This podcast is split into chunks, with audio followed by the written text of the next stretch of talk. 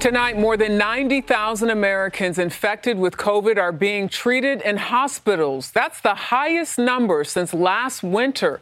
Nationwide, nearly 70% of ICU beds are filled. It's even worse in the South, where at least 90% of beds are occupied. A Delta resurgence across mostly unvaccinated Americans has US hospitals at breaking point and is driving the death toll to new highs. The seven day rolling average has returned to more than a thousand deaths a day. That's doubled in less than a fortnight and is the highest since March. Despite a surplus of multiple brands of vaccines, America has seen jab rates plummet in recent months. Experts are warning of another 100,000 deaths by Christmas. Ja, nu ökar smittan i USA igen. Över 100 000 vårdas nu på sjukhus för covid-19. Det är den högsta siffran på flera månader. Det är deltavarianten som nu tagit ett grepp om USA och främst så ökar smittan i de södra delarna av landet i delstater som Florida och Texas.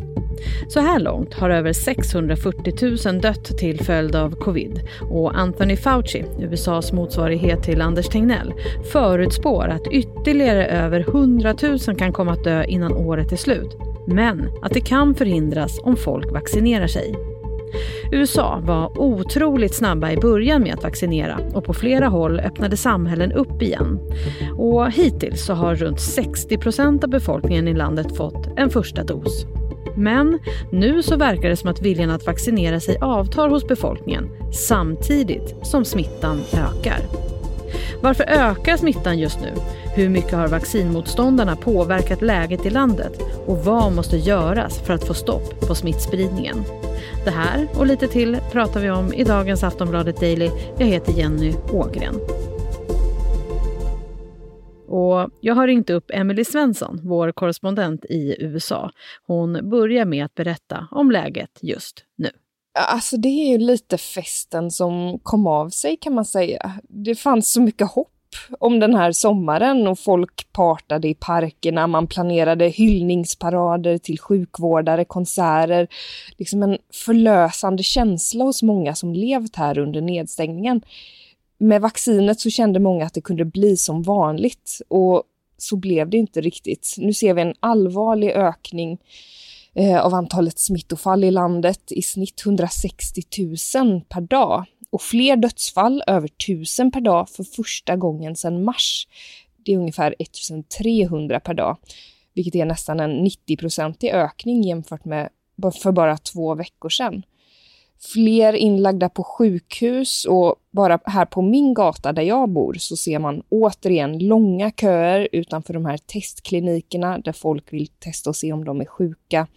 Så det är tydligt, det här är inte över och det är en riktig kalldusch för många. Hur kommer det sig då att eh, smittan eh, ökar?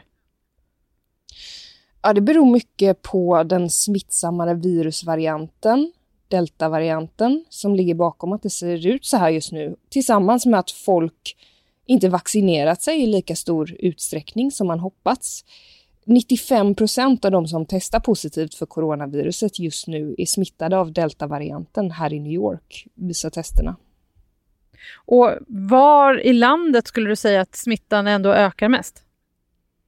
Ja, allra, allra mest är i sydöstra USA, det man ibland kallar för bibelbältet för att det traditionellt varit en region med fler konservativt kristna. Och då pratar vi om Georgia, Tennessee, Mississippi, Alabama, men också Florida där det är alarmerande siffror just nu.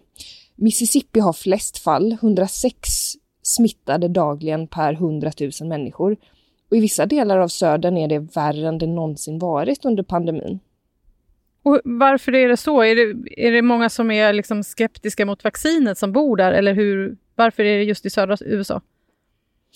Ja, det verkar vara så att det är fler som generellt varit mer skeptiska till att vaccinera sig i de här delstaterna. Till exempel Alabama, Wyoming, Mississippi. Där är det ungefär 38 procent bara som är färdigvaccinerade vid det här laget. Medan det i resten av landet är lite över 50 procent i snitt. Och du pratade här om deltavarianten, att det är den som eh, är den största varianten på viruset nu. Eh, är man orolig nu också för att den ska öka ännu mer i styrka? Ja, det är klart man är orolig. Sjukvården går ju redan på knäna i många av de här delstaterna. 23 procent av alla delstater rapporterar att det är över 80 procent i kapacitet på intensiven. Sex stater att det är 90 procent fulla på intensivvårdsavdelningarna eh, i de här delstaterna som vi redan talat om. Eh, men Anthony Fauci, vår motsvarighet till Anders Tegnell skulle man kunna säga, han säger att det går att vända den här skutan om fler vaccinerar sig. Ja, för han, jag läste att han hade förutspått att över 100 000 skulle kunna komma att dö innan året var slut. Men att det går att åtgärda om folk liksom gör sak, någonting åt det. Ja, precis. Amerikanerna låg ju i framkant med vaccineringen i början av året. Ibland var det så många som fyra miljoner dagligen som satte sprutan i armen. Och Joe Biden hade ju ett mål om att över 70 procent skulle ha vaccinerat sig till 4 juli eller något sånt och det nådde man inte riktigt. Det slaggade efter lite grann. Så nu hoppas Fauci att om fler vaccinerar sig i de här delstaterna så kan man fortfarande stoppa den här utvecklingen. Ja, och vad gör man för att få folk att gå och vaccinera sig?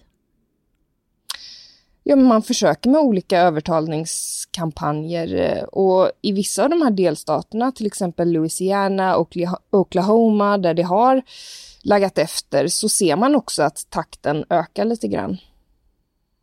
Men vad, vad, skulle du säga med, vi var inne lite på det här med vaccinmotståndarna, hur, hur mycket skulle du eh, säga, eller vad, vad pratar man om i landet om hur mycket deras åsikter faktiskt påverkar människor som kanske inte har tänkt så mycket på det här med vaccin tidigare? Ja, men mycket skulle jag ändå säga. Det, det har ju varit en väldigt politiserad fråga i USA. Eh, många amerikaner ser till exempel inte coronaviruset som ett allvarligt hot för att de köpt exempelvis Trump-falangens bild av att viruset inte är en stor grej. Ehm, man anser att demokrater, experter, journalister överdriver riskerna.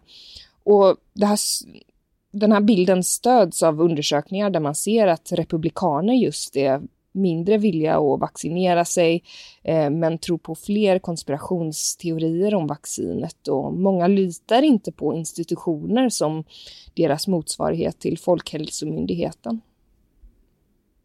Här i Sverige så har vi haft flera re reklamkampanjer med eh, kändisar som liksom eh, uppmuntrar folk till att, eh, eller uppmanar folk att gå att Eh, vaccinera sig. Hur ser det ut i USA? Ja, framförallt det jag sett här är olika sådana här kampanjer där man använder gratis prylar som man kan få för om man visar upp sitt vaccinationskort och det är allt möjligt från en öl, en donut, en gratis joint, helt bizarra saker här och var. Eh, så det är sånt man försöker locka med och vad jag läste lite grann igår så verkar det ha funkat med en del sådana lockande prylar. Alltså det hade ju varit härligt om vi hade, man hade kunnat få någonting när man gick till och, och fick sin spruta. Men du, här, det snackas även i Europa nu om eh, det här med en booster shot, alltså en tredje dos vaccin. Hur snackas det om det i USA? Ja, men ett fåtal har redan fått det i USA och nu, nu kan snart miljoner ha tillgång till det. Eh, de som har tagit Moderna och Pfizer. Här i New York där jag befinner mig så inleds den här booster shot-utdelningen nu i september faktiskt. Um, jag tror att de som litar på vaccinet från start, som litar på de här rönen, eh, kommer vara positiva till en boosterspruta och de som var skeptiska från början tycker det är galet att det kommer nya sådana här uppgifter om att man liksom uppfattar det som att man flyttar gränserna hela tiden och det gör dem ännu mer skeptiska.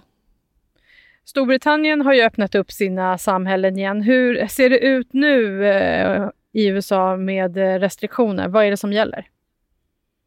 Ja, men det har ändrat sig på en del platser. Ett tag tog man ju bort så här munskyddskrav på platser inomhus. Eh, vissa städer inför det igen. Restauranger som öppnade sina inomhusserveringar stänger igen.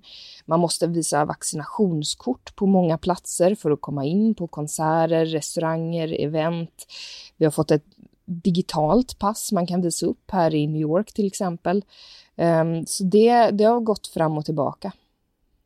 Och Joe Biden har, president Joe Biden har ju haft en hel del annat på sin agenda den senaste tiden eh, kring allting som har hänt i Afghanistan. Men hur skulle du säga att Joe Biden har hanterat eh, corona den här senaste tiden? Ja, det var ju verkligen det som gjorde att många uppskattade Biden och att han fick goda opinionssiffror i början eh, för hanteringen av viruset, att man rullade ut vaccinationen snabbt under våren.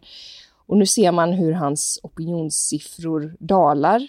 Inte baserat bara på utvecklingen med, med corona, men att han är, som du säger, pressad från flera håll eh, med Afghanistan, corona, eh, en orkan i Mississippi, olika sådana här eh, kriser, om man vill kalla det det. Eh, så folk upp, uppfattar det som att det här var verkligen festen som kom av sig. Det blev inte som man tänkte sig när man rullade ut de snabba vaccineringarna. Och Emily, vad säger du? Hur, hur pratar folk i landet om corona och covid nu då? Ja, men det är väl utmattande och att en oro över att man fortfarande inte ser när det här tar slut. Det finns en större debatt till exempel om munskydd i skolor när det verkar som att smittan sprider sig allt mer bland barn här. Och jag tycker det är uppenbart hur den här polariseringen, politiseringen av virushanteringen spelar en stor roll här i USA. Att det spelar in i det här kulturkriget som kommit att handla om man är för eller emot saker som munskydd, vaccin, lockdowns eller till och med Dr. Anthony Fauci.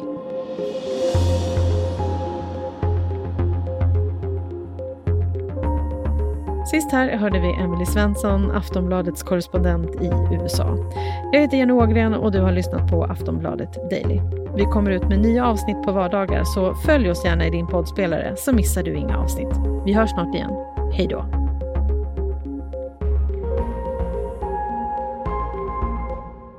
Du har lyssnat på en podcast från Aftonbladet. Ansvarig utgivare är Lena K Samuelsson.